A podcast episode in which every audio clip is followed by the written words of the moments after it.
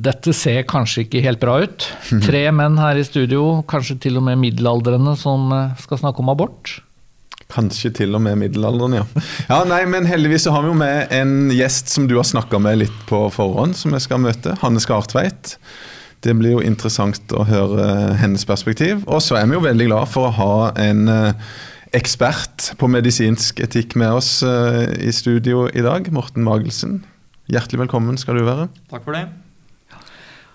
Og dette er altså Ottosen og Generalen, en podkast hvor to ledere i Misjonssambandet lar seg engasjere av litt av hvert. Og i dag så snakker vi om hvordan kristne bør argumentere i den ganske høylytte abortdebatten som nå har oppstått, bl.a. fordi SV tar til orde for selvbestemt abort til uke 22.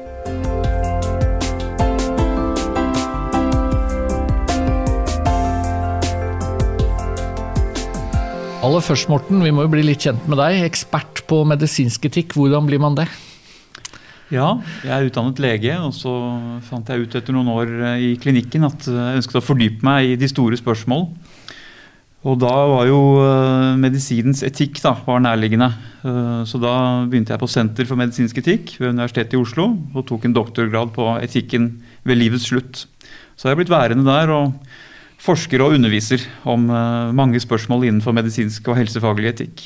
Så nå jobber du ikke med pasienter eh, selv om du er lege, for å si det sånn? Det er riktig. Jeg har latt eh, stetoskopet på hylla, så å si. Mm. Og så er du litt altså En del av disse spørsmålene om hva skal vi si, sorteringssamfunn Vi må kunne si det at du også er personlig engasjert i det? Ja, ja det er riktig. For da jeg sto og underviste om, eh, om eh, fosterdiagnostikkens etikk da, for legestudenter høsten 2010. Og da, to uker seinere, så fødte min kone vår, vår, tredje sønn, Thomas. Og han viste seg å ha Downs syndrom. Så det var jo litt pussig at underviseren i fosterdiagnostikkens etikk selv fikk eh, en gutt med Downs syndrom. Det visste vi ikke om, da. Det ble oppdaget rett etter fødsel. Ja. Og vi er for så vidt glad vi ikke visste om det. Det er klart Vi hadde jo en prinsipiell holdning om å si ja til, til det barnet som kom, men, men likevel uh, Det var noe godt i at måte, det var naturens tildragelse og ikke vårt valg da, som gjorde at, uh, at vi fikk en gutt med, med litt andre behov. Mm. Hvordan opplever du det å både da være far i den situasjonen, men samtidig debattant? For det er du jo av og til. Du skriver artikler, du skriver bøker. Mm. Er det en styrke? Er det bare en styrke? Kan det også være en svakhet? Hvordan opplever du det? Opplever det som en styrke. Men viktigst er at jeg hadde på en måte den kristne etikken med meg om, om alle menneskers likeverd. Og så fikk jeg da en, en gutt med med spesielle behov. Og da opplever jeg at den etikken på en måte bærer. At den tåler uh, møtet med virkeligheten. At den blir bekreftet i møtet med virkeligheten. At dette er, uh, dette er en god etikk da, som er menneskevennlig og som hjelper oss. Mm. Så det er utgangspunktet her. Uh, og når jeg da debatterer disse tingene, så opplever jeg at det gir meg en større kredibilitet. Da. Det er ikke bare en skrivebordsetiker som kommer og, og, og snakker om noe som man har et teoretisk forhold til jeg har noe levd liv å, å kunne vise til. Ja, for det er jo en del som kanskje tenker at det er lett å være negativ til eh, fosterdiagnostikk som f.eks. fører til da, abort på barn med Downs. Eh, men hvis du virkelig får det valget, vil du da stå fast? Mm. Eh, nå fikk jo ikke dere det valget på den måten, men du har en helt annen forutsetning for å leve deg inn i situasjonen. Ja, jeg tenker det, og jeg tenker at eh, jeg er ikke overbevist om at vi gjør eh, kvinner og par en tjeneste ved å sette dem på det valget om abort ved avvik eller ikke. Det er ikke alle valg som nødvendigvis eh, Ja, det er ikke alle måter å øke menneskers valgfrihet på som nødvendigvis tjener til vårt beste. Men vi hadde jo, Forrige gang så hadde vi jo ja. besøk av en kvinne som fortalte sin historie om hvordan det var å bære fram et barn som hun og mannen visste kom til å få store medisinske utfordringer. Så det var jo interessant og sterkt å høre hvordan hun hadde opplevd det. da. Og litt på samme måte som deg, at det, på en måte de, den etikken og de prinsippene og den teologien da, som vi står for, den, den, viste seg å holde ganske bra for mm. henne. Ja. Det er viktig at vi står for å tåle møtet med virkeligheten. Ja. Mm. Det er det. Og selvfølgelig viktig å påpeke også at forrige episode så var det altså en kvinne i hovedrollen, siden vi altså sitter tre menn og diskuterer eh, disse spørsmålene. Jeg skjønner du er opptatt av det i dag. Ja, det er litt, det er litt risikofylt, altså. Ja, det, er det. er det. Men uh, vi skal jo snart få inn eh, Hanne Skartveit òg, men litt fotball, Øyvind. Ja. Du satt klar her og skulle se Manchester Som som mange andre. som så mange andre. Manchester United-Liverpool. Ja på søndag. Ja. Det gikk sånn passe. Det gikk sånn passe. Det viste seg jo at det var noen tusen demonstranter som hadde møtt opp for å, å, å klart å stoppe kampen, rett og slett. De er sure på Glazer-familien, som er litt sånn småsuspekte eiere av Manchester United. Og de har ikke akkurat pøst inn penger, men tvert imot tatt ut ganske mye penger. Og, så jeg, jeg, jeg er jo en av supporterne som er litt sur på den familien. Ja, Så du hadde forståelse for dette? En viss forståelse hadde jeg for at det var noe å protestere. Men det, det utarta jo litt, forsto jeg etter hvert, med, så, så, jeg kan vel ikke akkurat støtte helt det. Men det var ergerlig at ikke den kampen ble spilt. da. Det var jo det. For uh, nå hadde jo Manchester United sjansen til å knuse Liverpool og, og uh, bekrefte andreplassen og sørge for at Liverpool ikke fikk spille Champions League-fotball til neste år og sånn. Så. Satt du klar, eh, Morten? Ja, jeg satt også klar. Ja. Men med motsatt, uh, motsatt, drakt, holdt jeg på å si. Sier du det? Jeg er Liverpool-fan, ja. ja. Og det stikker dypt, eller? Ja, det er fra Jeg var fire år gammel og fikk, uh, fikk en Liverpool-drakt av min onkel. Som hadde sånn vært skjer, i, i England. ja. Så har det vært 30 litt tunge år, og så har det løsna skikkelig de siste sesongene. Det har vært veldig gøy. Så ble det en litt nedtur igjen i år, da.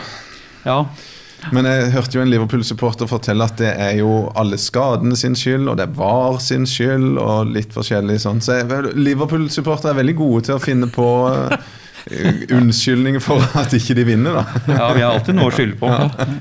Og det, men det, og det gjelder jo overhodet ikke Manchester-supportere. De er mye mer nøytrale sånn. Mye bedre til å ta nederlag. Nei da. Det er, bare, det, det er jo et visst sånn for min del så er det jo mest på erte- og humorstadiet, Men eh, det er jo noen som det er ganske alvorlig for. Ja ja. Vi skal eh, videre, vi. Øyvind og ja. Morten. Det er abortdebatten som jo virkelig har tatt fyr de siste eh, ukene, må vi kunne si. Ja. Som vi nå skal innom. Sist så snakka vi altså med Marte Vikanes Hameien om det å få beskjed som gravid om at hennes barn kunne være alvorlig sykt. Mm. Og før vi går i gang her i studio, så skal vi altså la Hanne Skartveit, politisk redaktør i VG, si litt Du har juksa litt, du. Ja, Hva juksa litt. Med på forhånd? Jeg tok en prat med henne og, og for å finne litt mer ut om den politiske situasjonen, da, få en oppdatering der. Og ja. spurte først om hvilke partier som har endret syn på abort i det siste. Mm -hmm. Eh, hvilke partier har skifta syn i spørsmålet om eh, selvbestemt abort nå i den senere tid? Eh, Arbeiderpartiet og SV er jo de to tydeligste. Arbeiderpartiet har gått fra å forsvare veldig dagens abortlov, som er 12 pluss 6 og så veldig sen abort etter det, til å gå inn for 18 uker med selvbestemmelse. Og SV har da forrige helg faktisk gått inn for 22 uker. Eh, selvbestemt abort. Nå har de gått litt tilbake nå bare i løpet av siste døgn og sagt at de i, at de i eh, regjeringsbehandlingen bare vil nå kjempe for 18 uker, for de ser at det er ikke noe flertall for 22. Det er ganske sterkt, syns jeg, all den tid de har et veldig tydelig landsmøtevedtak på 22 mm. uker. Jeg kan ikke huske å ha sett så mye bortforklaringer og rett og slett forandring av et standpunkt rett etter at et landsmøte har tatt et veldig tydelig vedtak. Men Da er det SV og Arbeiderpartiet, men i tillegg så er det andre partier òg som ønsker en endring i dagens abortlov. Absolutt. Rødt går inn for 22 uker. Eh, MDG har endret seg. Eh, Venstre har jo alltid vært eh, mer liberale enn alle andre. Så nå er det i grunnen Høyre og KrF som står igjen på ballplassen, da. Ja. Du, Når det gjelder Arbeiderpartiet, så var det også der litt sånn usikkert. Går de virkelig for eh, hva skal vi si, full selvbestemmelse til uke 18, punktum? Eller er det noen nyanser der også, og usikkerhet om hva de egentlig mener? De skal jo utrede nemndsystemet, og spørsmålet for dem er hvor, hva slags apparat du skal ha rundt kvinner som uh, søker om abort etter uke tolv. De ønsker at kvinnen skal ha det siste ordet, så der ligger selvbestemmelsen. Men de ønsker også at det skal være et ordentlig rådgivningsapparat med kompetente folk rundt. og Det er det de nå ønsker å utrede. Det ble, uh, det ble på en måte kompromisset. Noen ønsket ikke det heller, men det var det som ble vedtaket hos Arbeiderpartiet. Ja, for Dagens forskjell eh, mellom la oss si da, uke 14 og uke 10 i abortloven er jo at uh, uke 14 krever en nemndbehandling. og Det betyr at det skal legges noen kriterier til grunn. Det er ikke slik at du automatisk får abort bare fordi du ønsker det. Det er på en måte en forskjell. Vil den kan den forskjellen forsvinne helt, eller, eller, er det noe som tyder på at Arbeiderpartiet fortsatt ønsker at det skal være en eller annen forskjell når man passerer uke 12? Eh, jeg tror, jeg tror, det blir eh, Det de vil ha, er at det skal være fri, selvbestemt abort frem til uke 18. Eh, ja. Realiteten tror jeg ikke blir så mye større. For, for det første så får jo mellom 12 og 18 får omtrent alle medhold. og det er jo Avgjørelsen skal tas i samråd med kvinnen. Så mm. det er jo i realiteten også i dag selvbestemt, men det er noen skranker der som gjør at det er en mer, si, mer omstendelig prosedyre. Og vi vet jo også at de aller fleste som tar abort, gjør det tidlig i svangerskapet. Og det er jo sånn faktisk at jo tidligere, jo bedre. Av mm. alle grunner, egentlig. Så jeg tror ikke det blir et rush av kvinner som ønsker å utsette en abort, for å si det sånn. Men det er jo SV som har eh, absolutt skapt størst overskrifter. Og du har jo også på, i VG skrevet at dette er ganske ekstremt og brutalt. Hva, hva er det som, eh, som, skaper denne motstanden fra langt flere enn bare KrFs kjernevelgere, for å si det sånn?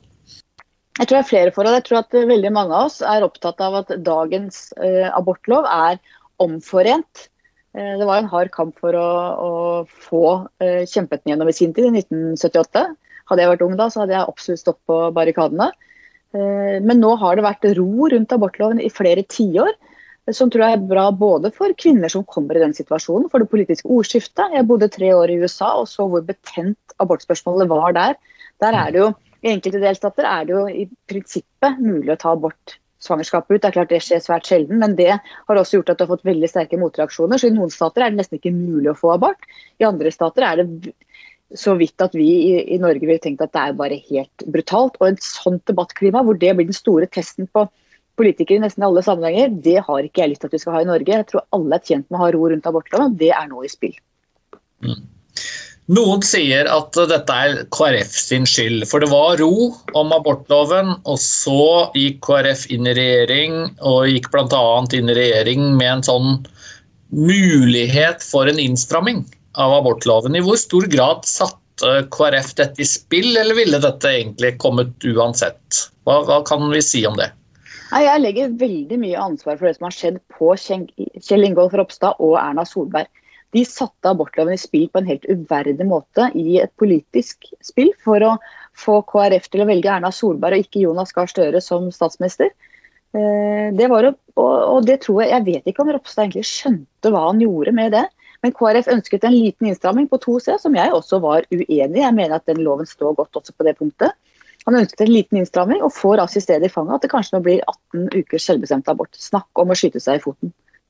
Hva tror du skjer? Får vi en uh, ny abortlov eller en endret abortlov i neste stortingsperiode? Jeg er litt i tvil. Det er klart, eh, Senterpartiet har jo ikke tatt noe vedtak ennå. De eh, vil jo være med en eventuelt rød-grønn eller en Arbeiderparti-Senterparti-regjering etter valget dersom det blir regjeringsskifte. Så spørsmålet er hvor hardt de vil stå på det. Jeg tror, jeg tror ikke abortloven kommer som et forhandlingspunkt mellom de rød-grønne. Jeg tror det man i så fall da blir enig om er å utrede det hele, så det ligger nok litt frem i tid. Men jeg tror at det som har skjedd nå kan i hvert fall åpne for at det kanskje blir en ny abortgrense på 18 uker selvbestemt abort i Norge.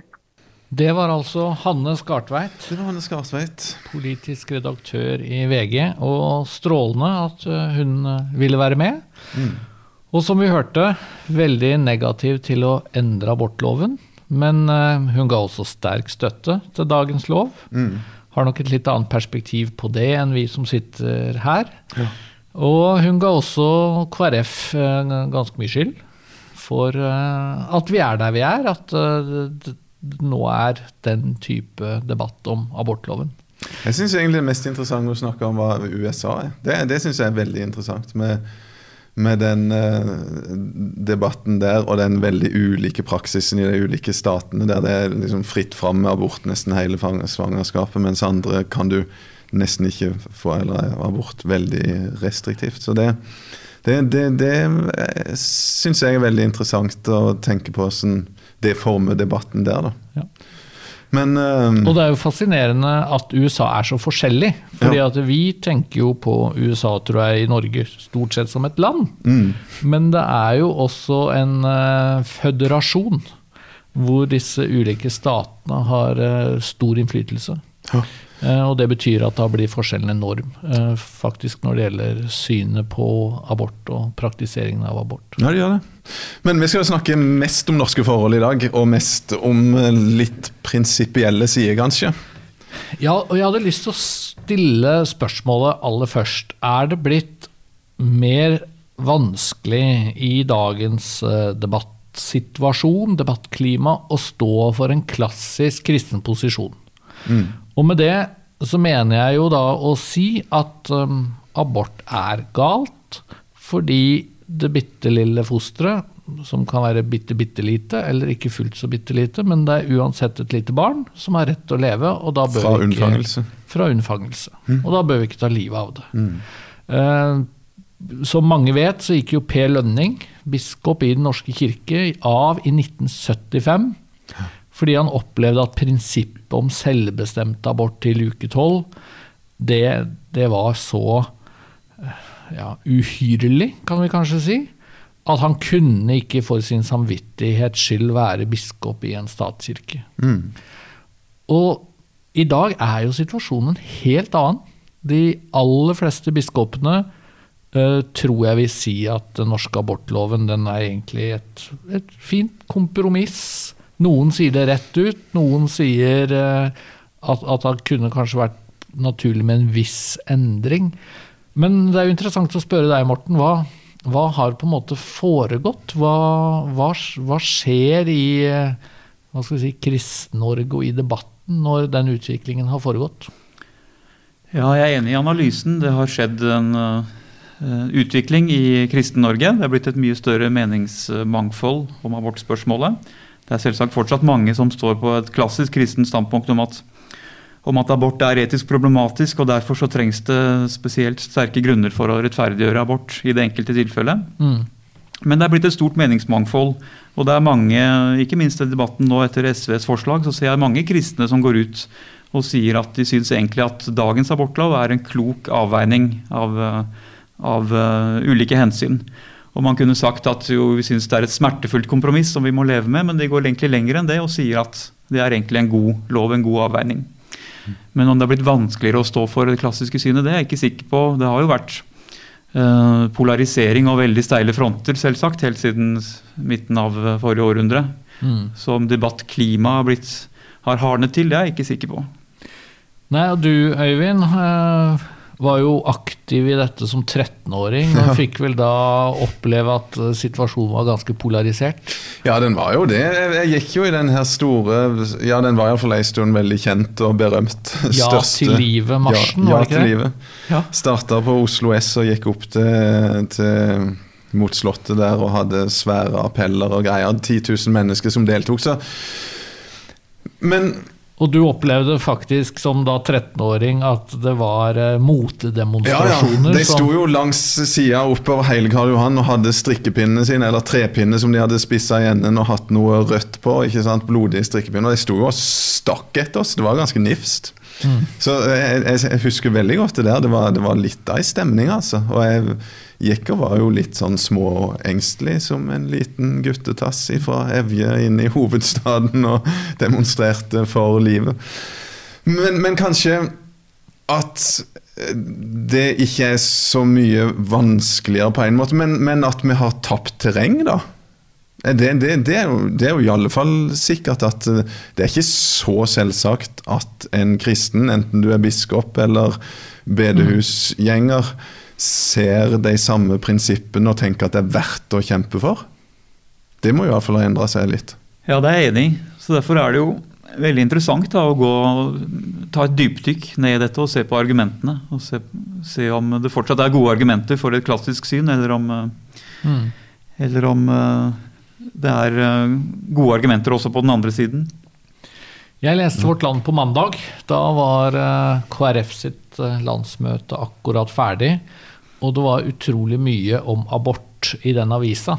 Og der også fikk jeg en litt sånn aha-opplevelse når det gjelder på en måte utviklingen. For det var tre ting i, den, eh, i Vårt Land på mandag som jeg tenkte på. Det første var forsiden. Der var det en svensk kirkeleder som fortalte at i Sverige er det fri abort til uke 18. Og hun mente at det ikke var noe grunn til å protestere mot det. Og det er jo kanskje litt også i pakt med vårt lands redaksjonelle profil eh, for tiden. Altså, vårt land kjemper ikke imot selvbestemt abort mm. lenger. Og så var det om KrF, og det kommer vi kanskje tilbake til, eh, at de har sagt i sitt nye program at de ønsker en endring av abortloven hvis det er bred tilslutning i folket. Så de på en måte ja, Man må vel kanskje si at de toner litt ned sitt prinsipielle syn. Og så var det en kirkemøtedelegat og lege, Therese Utgård Aas, som eh, argumenterte i et stort leserinnlegg eh, imot at kristne skulle protestere sånn mot SV. Ja. Eh, hun mente at i praksis så vil det neppe bli flere aborter, selv om SV får det som de vil. Så, så hvorfor dette voldsomme engasjementet? Pragmatisk holdning. Ja. ja. Og det også tror jeg kanskje er noe av det som har skjedd. at det, er mange som i en debatt om abort sier at det eneste vi bør være opptatt av, er jo det praktiske, altså få ned mm. aborttallene. Så, så, hvorfor være så opptatt av det prinsipielle? Og da er det jo interessant å spørre en filosof, da. Det, blir man for opptatt av det prinsipielle? Er det et poeng at eh, vi bør egentlig bare nøye oss med å si at abort er problematisk, la oss prøve å få ned aborttallene, punktum. Mm. Ja, det er mye å si om det. Nå er ikke jeg fullbefaren filosof, da, Espen. Det er det vel bare du som er her ja, det, i panelet. Det var godt du fikk sagt det. Men, men når du Nei, har altså, doktorgrad i medisinsk etikk, så, så ja, jo, da, jeg, jeg deg. Ja. Jo da, jeg er vel kvalifisert til å si noe. Jeg tenker at altså, ja, vi må snakke om det prinsipielle. Vi, vi, må også ha med oss uh, helheten her. Mm. Altså, Kristne har jo med rette blitt kritisert for å miste helheten og kvinnens perspektiv av syne, tenker jeg, i noen sammenhenger. Mm. Så det er jo viktig at utgangspunktet er at uh, uønsket graviditet det er en fortvilt situasjon for mange. Mm. Og uh, vi må møte de som står i den situasjonen med alt vi kan. Uh, politiske tiltak som gjør det lettere å bære fram. medmenneskelig omsorg. Jeg tenker f.eks. på Alternativ til abort Norge, som nå heter Amathea, som ble stiftet på, på 70-tallet ja. av motstandere, mot, motstandere av, av fri abort. Og Det er jo et sånn godt eksempel på hvordan en, en prinsipiell kritikk av abort da, og ønske om en restriktiv lov kan gå hånd i hånd med en, en diakonal og medmenneskelig omsorg for de som mm. står, står i dette dilemmaet. Jeg husker jeg snakka for uh, noen år tilbake med en uh, ganske profilert uh, debattant i Norge, som jeg tror ikke jeg skal si navnet hans, for, for han sa det nok bare sånn i forbifarten til meg, men han sa hadde kristenfolket på 70-tallet klart å vise mer omsorg og mer forståelse for uh, fortvilte kvinner som, mm. som uh, ønsket abort, så hadde, så hadde, man kommet mye bedre ut av det. Mm. Altså, det er to liv. Det mm. er uh, fra et kristen synsvinkel det er et lite barn, men det er også en fortvilt kvinne, kanskje en hel familie. Mm. Eh, og, og, man kan jo ikke undervurdere det. Så, så, det tror jeg er en viktig påminnelse å ta med seg. Mm. Det er en engelsk kampanje som har som et slagord 'Love them both'. Det er et godt utgangspunkt. Men samtidig så er det jo ikke tvil om at det som er vanskeligst å få øye på, er jo det lille barnet i mors liv. Som som, som det er fortvila mange som ikke vil anerkjenne som et liv.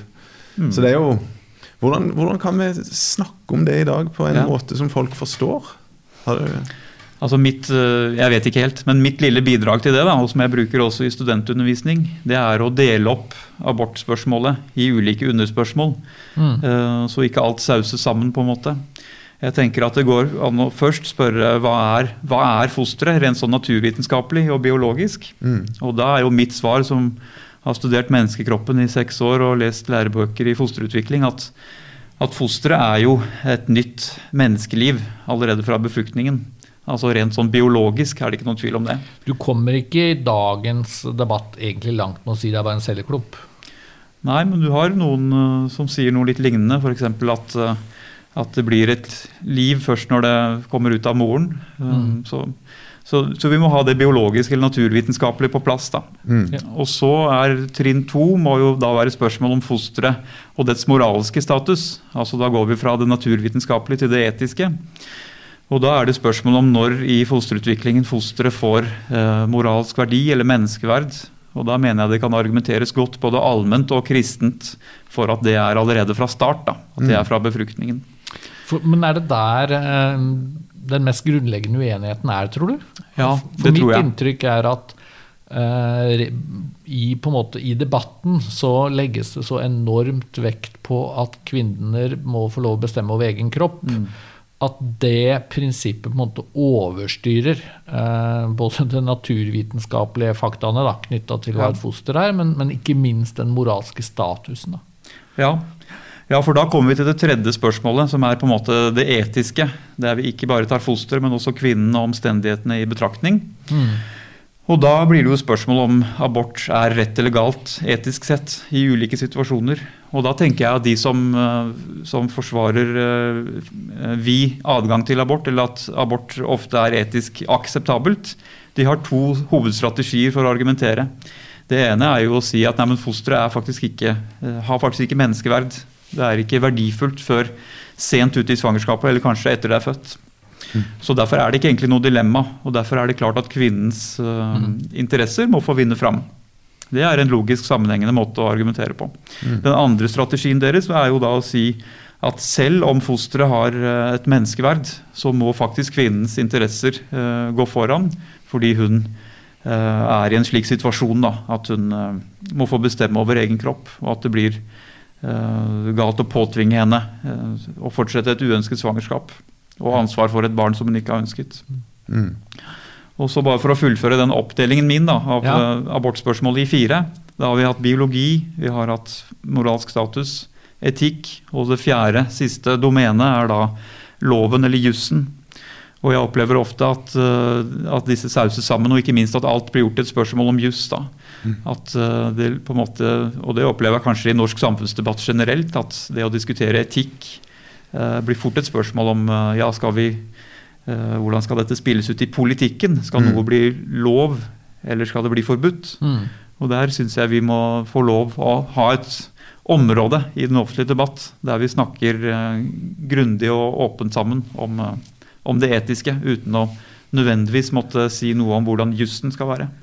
Ja, Det syns jeg er et veldig interessant poeng. Og Av og til tenker jeg på, uten at vi skal spore for langt av, uh, langt av selve temaet, da, at, at uh, når vi diskuterer samlivsetikk, uh, og det gjør jeg jo innimellom, og du særlig får debatt om homofili, så virker det også som folk veldig ofte vil gjøre det til juss, som om et nei f.eks. til homofilt samliv er det samme som å ville forby. Mm eh, homofilt samliv. Men det er jo to veldig forskjellige temaer. Og jeg tror at i Norge i dag finnes det jo ikke kristne Jeg tror ikke det finnes noen jeg, som, som, vil forby eh, dette, men, men, man sier at dette er et etisk spørsmål. Men, men kanskje er det som du er inne på, at, at det er fremmed, da, fordi at så veldig mye debatt blir til et spørsmål om juss. Mm. Men tilbake til eh, abortspørsmålet. Um, den vanlige kristne måten å tenke på er jo at du har et uh, lite foster. Det har moralsk status som et fullverdig menneske. Og da er det litt sånn at uh, hva skal vi si, vanskeligheter i kvinnens liv det vil veie så mye mindre enn det å beskytte et liv. Men, men, det som jeg tror en del opplever som kanskje krevende som kristen, det er å, å få helt sånn forståelse for er det virkelig et fullverdig liv. Det er noen som sier at ja, det er jo et potensielt liv. Mm. Og vi må jo skille mellom, mellom verdien til en treåring eller 15-åring og øh, verdien til et foster som la oss si er sju dager gammelt, da, bare for å ta et tidspunkt. Hva tenker du om det, Morten? Eh, går, gir det mening å si at nei, ingen gradering av uh, menneskeverdet? Ja, jeg tror um, det er veldig viktig å anerkjenne det som vi alle ser, da, hvis du ser på en plansje over fosterutviklingen. At wow, her er det jo en gigantisk utvikling fra mm. befruktet egg-stadiet, encellestadiet, til uh, det ferdig utviklede fosteret og barnet og det fødte barnet. Så det tidlige fosteret og det fødte barnet er jo, er jo ulike. Eh, men det er ikke noe selvmotsigelse likevel å si at de skal ha det samme vernet. De har den samme krav på beskyttelse. De har det samme menneskeverdet. Eh, så det tenker jeg, og i et kristent perspektiv, med kristent verdensbilde og menneskesyn, så er jo det ikke så vanskelig å begrunne, egentlig. Med respekt da for de kristne som, som kommer til et annen konklusjon, så er det jo den klassiske tradisjonen sier jo da kanskje at det særlig er to argumenter da, eh, for at at menneskelivet har menneskeverd allerede fra begynnelsen. Og det er jo dette at Gud har omsorg for oss alle. Altså mm. vi, vi, er alle skapt i Guds bilde. Og vi har alle en enorm verdi nettopp fra at vi er elsket av Gud. Og, da, og når begynner det? Jo, det begynner vel da når livet begynner, på en mm. måte. Så når du kommer da den, den eh, kristne tanken om at vi er skapt i Guds bilde, med den naturvitenskapelige kunnskapen om at livet begynner faktisk allerede ved befruktningen, så blir det naturlig også å tenke da, at, eh, at fosteret har menneskeverd allerede fra befruktningen. Og så er det den andre tett eh, beslektede tenkemåten også, som jo handler om, om, inkarnasjonen, rett og slett. At Gud ble menneske i Jesus Kristus. Og da kan man spørre ja, når, når begynte det? på en måte? Det er vel naturlig også at det, å tenke at det også begynte eh, i livets aller første stadium. Mm. Og det er jo eh, en historie der fra Lukasevangeliet, er det ikke det? Når, eh, når, Maria kommer til eh, Elisabeth mm. mm. bare et par dager etter hun har fått budskapet fra engelen. Ja. Og Elisabeth profeterer over barnet som allerede er under utvikling i Marias mage. Ja. Mm. Så jeg mener det er særlig to argumentasjonsveier da, for kristne til å begrunne at menneskeverdet kommer allerede ved befruktningen.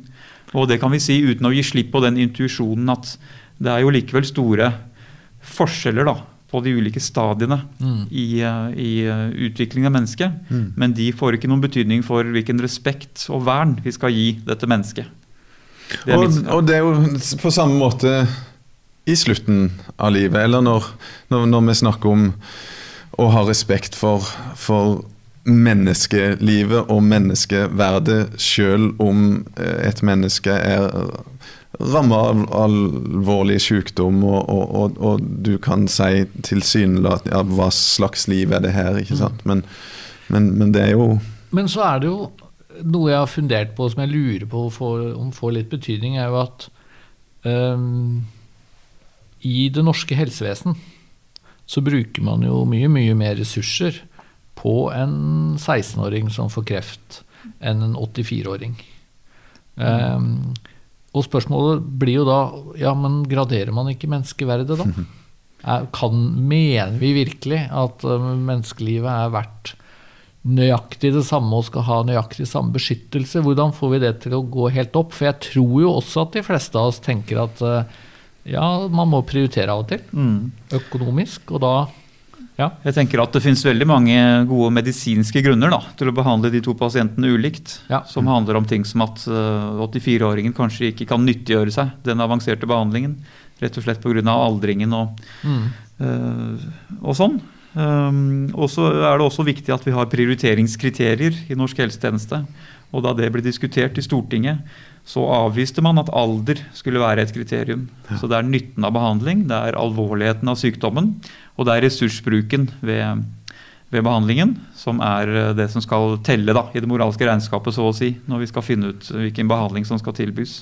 Mm. Så vi prøver å mm. Når vi forskjellsbehandler litt pga. alder, så er det ofte medisinsk gode grunner til det. Jeg tror ikke det er noe aldersdiskriminering som ligger under. Og så kan man bruke det motsatt vei òg, fordi noen, altså på abortspørsmålet. fordi at hvis du sier at det skal vektlegges litt hvor mange jeg håper å si, år eh, effekten av behandlingen eh, gir et menneske, så kan man jo si at eh, er det noen man da bør beskytte, så er det jo et bitte lite foster som kan ha eh, 90 år med ja. liv foran mm. seg. Mm. Men jeg, Morten, jeg hadde lyst til å høre en ting med deg. Jeg har snakka med en del eh, godt voksne, enda mer voksne enn meg, eh, norske kristenledere.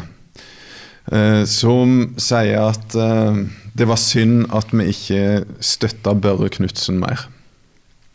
Han var jo Han gjorde jo alt han kunne for å få folk til å forstå at det barnet i magen At det var virkelig et barn ikke sant? Med, med små dokker. Det er kanskje noen som hører på som er så unge at ikke de fikk med seg her, Espen. Men altså, han, han brukte jo virkemidler som mange sa det, det, det er altfor alt for rått, rett og slett, og hjerteløst mot, mot, kvinner som har tatt abort eller er i vanskelige situasjoner. Og han snakker jo ikke om abort, som vi sitter og gjør nå. Nei, han snakker om fosterdrap, ja. for her skulle alvoret fram. Men så, så, er, så, er, det noen da som sier at vi, vi, vi, vi ga han for lite støtte. Vi burde ha støtta han. For de fleste sa jo at vi, mener prinsipielt det samme som Børre Knutsen, men, men, han bruker altfor tøffe virkemidler. Hva, hva, tenker du om det? Hva, og, og, og, burde han fått mer støtte? Eller må vi liksom roe oss ned litt? For det er, jo, det er jo alvorlige ting da, hvis vi tenker at det er et menneskeliv helt ifra, ifra befruktelsen. Jeg vet ikke helt hva jeg tenker om det, men jeg tenker i hvert fall at, eh, at for å lage en eh, ny lov som er mer restriktiv, så må det bygges et, eh, et politisk kompromiss. Man må få folk med på laget på det. Bygges allianser. Og Børre Knudsens fremgangsmåte klarte jo ikke det. Den bare førte til økt polarisering. Mm. Så hvis hans mål var å vekke samvittigheter, på en måte, så um, lykkes han kanskje med det overfor noen, men uh, det dominerende var vel at han økte polariseringen, og, og at uh, dialogen uh, Grunnlaget for dialog brøt sammen enda mer. Mm. Ja.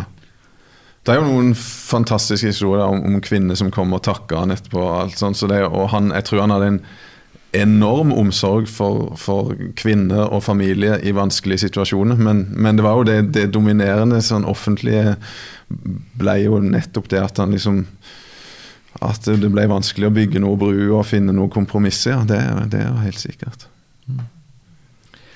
Men hvis vi holder oss bitte litt til nå, har jeg lyst til å snakke litt mer om den norske abortloven straks, men litt mer til det prinsipielle, så tenker jeg også på hvilke argumenter som man av og til møter til støtte for at det er en viktig prinsipiell forskjell mellom f.eks. For et uh, befrukta egg som ikke har festet seg uh, i mors liv, mm. og et, hva skal vi si, et større foster.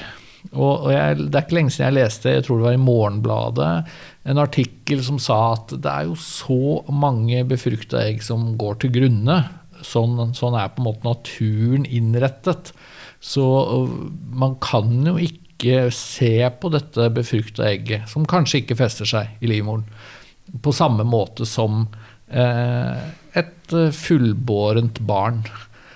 Og så funderer jeg, er det bare et følelsesmessig argument, eller kan det mm. være også et prinsipielt argument? Er det noen jeg, jeg har inntrykk av at for en del kristne så er det det som oftest kanskje brukes da, for å svekke litt det prinsipielle. Ja. Eh, jeg tenker at det viktigste argumentet som kan begrunne en sånn eh, syn på fosterets menneskeverd som noe som utvikler seg gradvis gjennom svangerskapet, ja. det må jo være den intuisjonen om at fosteret blir mer og mer lik oss på en måte, og blir viktigere og viktigere ettersom ja. det nærmer seg levedyktighet. Så det er den intuisjonen der. Eh, men jeg tror det er veldig vanskelig å begrunne eh, filosofisk eller argumentativt. Mm. Og det sier jo også den filosofiske faglitteraturen om dette.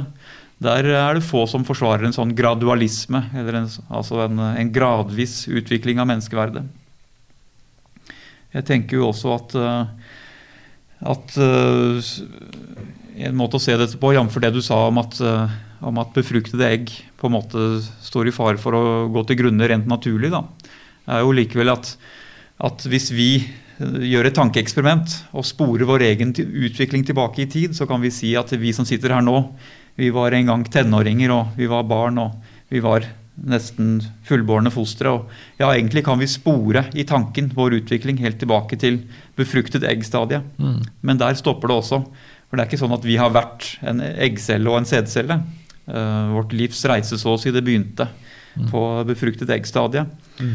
Og da så jeg tenker at, at, den naturvitenskapelige innsikten der da, gjør det, gjør, det ekstra vanskelig å opprettholde en sånn syn på menneskeverdet som noe som utvikles gradvis. Fordi når du ser nærmere på natur, hva naturvitenskapen sier om det befruktede egget og fosteret, så sier det jo at allerede fra befruktningen så er arvematerialet, DNA, ferdig.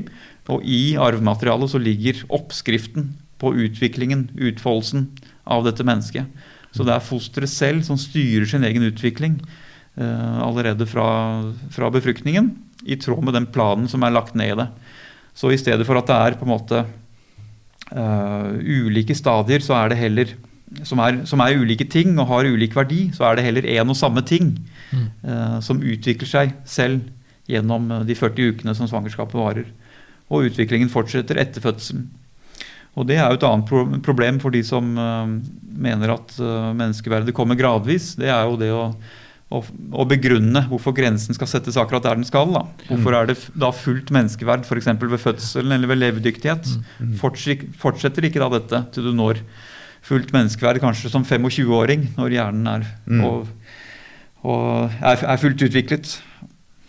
Ja, det er et interessant mm. paradoks. Og det illustrerer jo egentlig hele problemet med gradering. fordi hvis du sier at menneskeverdet skyldes at eh, barnet kommer ut av mors mage, eller at eh, det skjer et eller annet når barnet kan kjenne smerte, eller eh, slik det er blitt vanlig i norsk debatt i dag, la oss si at det er et helt avgjørende prinsipp at barnet kan klare seg selv, er levedyktig, så setter du grensen på en måte hvor det går an å svare tilbake at ja, men hvorfor akkurat der? Mm. Det er ikke noe på en måte veldig opplagt grunn for å si at da skjer det noe helt spesielt. Mm. Skal vi gå til uh, litt den norske abortloven? For vi har allerede vært innom i, ditt, uh, i din gjennomgang også, Morten, når du presenterte disse fire perspektivene, uh, at det er jo to forskjellige ting å diskutere det rent sånn etiske og det politiske.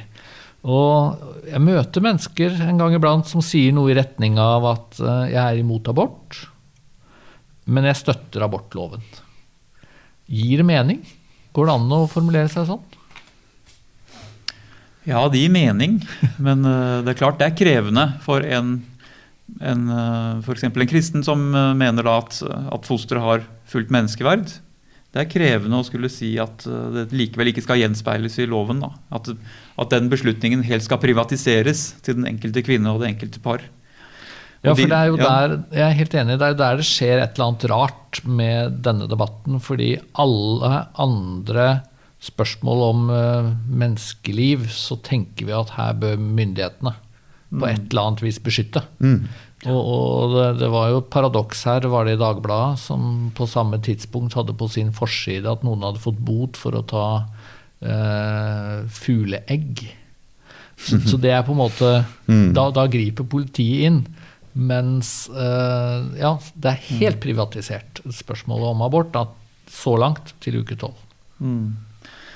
Ja, det er klart at de som de som vil eh, holde på sånn skille så å si da, mellom etikken og jussen, de må jo argumentere da f.eks. ut fra at, at, eh, forskning synes å tyde på at, at eh, hvis man gjør en abortlov mer liberal, så blir det ikke nødvendigvis mange flere aborter. Mm.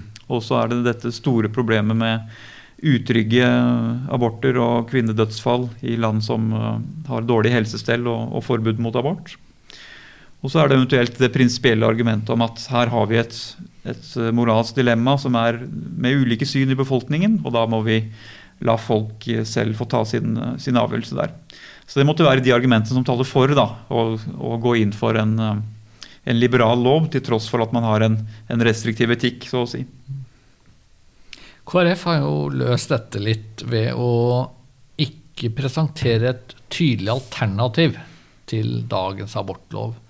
Man kunne jo sett for seg at uh, hvis man mener, som mange i KrF gjør, at uh, et lite foster er et menneske og fortjener vern, at man da bør forby abort. Punktum. Men, men, det har på en måte, kanskje in, særlig den senere tid, KrF valgt å ikke gjøre. Og som jeg nevnte innledningsvis, så har de vel også sagt at uh, vi, vi på en måte venter på at du får bred tilslutning i befolkningen. Men hva tenker du, Morten? Altså, kan kristne med sånn noenlunde god samvittighet uh, si at uh, ja, jeg ønsker forbud mot uh, selvbestemt abort, eller, eller fungerer det ikke? Jo, det mener jeg man kan si, ja. Og at det er da gode argumenter for at den etikken som, som mange av oss står for, også må gjenspeiles i loven. Og at dagens lov da, er et kompromiss, men et smertefullt kompromiss som egentlig ikke er noe godt kompromiss, fordi det nedtoner fosterets rettigheter så, så, radikalt som det har gjort. Da. Uh, så det mener jeg absolutt at man som kristen kan, uh, kan mene at et primærstandpunkt er en mer restriktiv abortlov. Mm. Og så tror jeg likevel KrF har gjort noe ganske smart. Og det, det kan vi jo diskutere. Det har å gjøre med synet på forholdet mellom eh, ja, politikk og kristendom, politikk og etikk. De ser at de står på et standpunkt nå som, er, eh, som det er dessverre bare en liten minoritet uh, i Norge som har når de er abortspørsmålet. Og da ser de at det er det ikke noen annen vei i retning av en innstramming, innstramming av abort enn å bygge, bygge, konsensus og være med å, å endre folks hjerter uh, og holdninger over tid. Mm.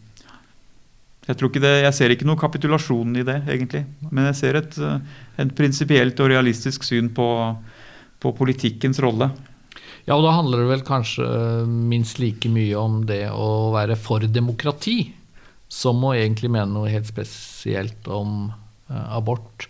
Jeg tenker jo litt på det som Hanne Skartveit sa også. Hun var opptatt av at KrF hadde bomma da, ved å ta abortspørsmålet inn i debatten om retningsvalg. og Jeg vet ikke om vi skal gå i dybden på det, men, men det, er jo, det, er jo, et eller annet med det politiske landskapet som, som, er utfordrende her. fordi hvis det er, som du er inne på, bare en liten minoritet som faktisk vil ha en strammere abortlov, så, så, vil jo de aller aller fleste tenke at da bør det ikke bli en strammere abortlov, fordi flertallet skal jo bestemme. Eh, så, så, det er et eller annet med at man utfordrer et uh, demokratisk prinsipp. Og så kan man selvfølgelig si at ja, men dette er så viktig, for det handler om menneskeverd. Men, men det er veldig krevende da, å velge den uh, innfallsvinkelen. Men den Ja, det er Jeg, jeg, jeg syns det er veldig vanskelig, det der. Å liksom fire på krava, for å si det sånn. Med med skapt i Guds bilde fra en cellestor. Og, og, og det, det, er jo, det, er jo, det som er prinsippet vårt. Men jeg tenker hva slags råd vil du gi til oss da, som er sånn misjons- og kirkeleder? og hva, hva, hva, slags rolle kan vi ha, spille i det her på en Som attpåtil er menn? Ja. Middelaldrende. hvordan kan vi spille rollen vår på en konstruktiv måte? Nei, det vet jeg ikke om jeg skal våge meg på. Altså Når det gjelder strategi og politikk, da er jeg litt på bortebane, egentlig. Ja. Jeg liker best å holde meg til, eh, til nivået under og, og etikken. Mm. Men det er klart at uh, alt man kan gjøre som bygger troverdighet, da, uh, er jo viktig. Um, å vise at man faktisk man gjør de diakonale tingene og tar, tar kvinners uh, livsutfordringer på alvor. Mm ja, med å bygge legitimitet. Jeg syns organisasjonen Menneskeverd har, har uh, lykkes godt der med å ikke mm. egentlig fire på tydeligheten, men, men uh, å bygge allianse og vise med en veldig positiv visjon da, hvordan mm. de står for en helhetlig etikk og tenkning om alle menneskers likeverd. Så, så ja, det er sånne innspill jeg måtte ha. Jeg er mm. ikke noen, ikke noen stor strateg. ja, det, det, er jo det, det syns jeg er veldig det er noe veldig sympatisk med det. det, det, det liksom, Hvis du blir for strategisk ja. og pragmatisk her, så er det jo Men det må jo til, og det er jo godt at det er noen som kan jobbe med det. Men forkynnelsen, liksom, forkynner du menneskeverd og skapt i Guds bilde? Og jeg tror det, men du, tok meg litt på senga nå. Jeg måtte nok liksom sette på hva har jeg gjort i de seinere år for mm. å helt vite det. Men, men jeg syns du er inne på noe med måten du spør på, Øyvind, og også det Morten svarer, at noe av det som har frustrert meg de siste årene, ikke minst etter at biskopene kom på banen da, med sin uttalelse, er det et års tid siden omtrent? Litt mer? Ja, mm. Det er jo at la oss være forsiktige, tenker jeg, som kristenledere og forkynnere, å gå inn på den politiske banehalvdelen. Altså, eh, selvfølgelig så mm, er vi politisk engasjerte og kan mene noe, men for oss er jo etikken etikken på et vis viktigere. Mm. Og, og, det prinsipielle Vi tenker at vi står overfor et bitte lite menneske som trenger beskyttelse. Mm. Det er i hvert fall det jeg tenker må sies fra en talerstol. Det er det, det er det, som er vårt perspektiv. Mens det å gå inn i en debatt om hva slags abortlov kan få aborttallene ned kanskje 5% og hva er praktisk mulig i dagens mm. politiske situasjon og sånn, det bør vi ligge litt unna. Og jeg syns biskopene bomma litt der, istedenfor mm. å på en måte si noe om at vi kjemper for alles ja. menneskeverd. Ja. Så ble det litt sånn snusfornuftig, ja. Eh, slik jeg hørte det. Mm. At uh, abortloven, den, den, lever vi greit med. Jeg, jeg tenker vi, nei, vi, kan ikke leve greit med mm. at uh, noen mennesker, nemlig de som er under tolv uker og holder til i mors liv, de er helt uten rettigheter. Det lever vi ikke greit med. Og så, mm. men, men, ok, det er der vi er, og så må vi prøve å i hvert fall navigere etisk etter det. da. Mm. Men jeg hadde lyst til å avslutte med det som kanskje har skapt mest temperatur, og det er jo SVs ønske om selvbestemt abort til uke 21-22. Og jeg, jeg, kjenner at uh, jeg syns det er veldig flott at det er mange som har protestert. Mm. Uh, inkludert Hanne Skartveit, som vi hørte. Mm. Og jeg tror en av grunnene til det er at når man beveger seg så nære grensen for at dette lille barnet kan leve utenfor mors liv, så skjer det jo noe rent sånn uh, psykologisk, i hvert fall. Uh, ikke minst for helsepersonell. For det barnet du da fjerner, som kanskje er 21 uker, det vil jo kanskje ligge og puste mm. og kjempe for livet. Mm over lengre tid ja. før det dør. Og det er jo noe groteskt med det. Men så tenker jeg jo også i hvor stor grad skal vi bruke det som argument um, når, det, når, det, på en måte blir så følelsesmessig orientert? fordi det vi har snakka om så langt i denne samtalen, har jo vært det prinsipielle at selv, selv et foster på 80 gram, som ikke puster og kjemper for livet når det blir tatt abort på, er like fullt et menneske. Det var det, det, var det Børre Knutsen og co. prøvde å gjøre. Da, spille veldig på det følelsen med å lage dokker for at folk skulle se. Og, ja. og, og det som du sier, at det, det, i uke 22 så, så, så Det er jo en framprovosert fødsel, og barnet kan jo kanskje leve hvis det får skikkelig god behandling. Hvor mange uker er det at en virkelig prøve Er det 24? Ja, gjerne 23, 23 uker. Ja. Men hva tenker du, Morten, mm. om dette? Altså, er, er, det å være opptatt av å, å stanse senaborter eh, er det taktisk, strategisk? Nå var kanskje ikke du den store strategen. det var det vi ikke skulle spørre om. men er det, er, det, er det, et viktig uh, argument? Nei, Jeg er nok enig i det du antyder. Jeg vil kanskje si det sånn at jeg ser langt flere likheter da, mellom, etisk sett mellom abort f.eks. i uke 8 og uke 22 enn jeg ser forskjeller. Mm. Jeg tenker nettopp fordi jeg mener menneskeverdet begynner allerede ved unnfangelsen, mm. så tenker jeg at begge deler er, er, etisk problematisk. Så Derfor vil jeg ikke begi meg så langt inn på dette å si at det er noe spesielt galt med disse sene senabortene. Selv om det jo er helt riktig, dette med den emosjonelle påkjenningen. og og den store belastningen for jordmødre som står i dette. Mm. For det er klart, De som uh, har protestert mest mot uh, uke 22-forslaget, de har gjerne i neste setning sagt at uh, men dagens lov med mm. intet rettsvern før uke 12, det er en nærmest salomonisk avveining av hensynene. Så den kan vi trygt holde på. Mm. Og Jeg ser også en del kristne, kloke kristne som, som argumenterer langs de linjer. Mm. Så det vil jeg ikke begi meg inn på. Nei, men Da fikk vi en aldri så liten eh, konklusjon der også. En fin og tydelig avslutning der. ja. Det gjenstår å takke alle som har eh, sett på. For dette er også en videopodkast, det minner vi gjerne om. Og alle de som har lyttet. Vi er tilbake med en ny episode om ikke så lenge.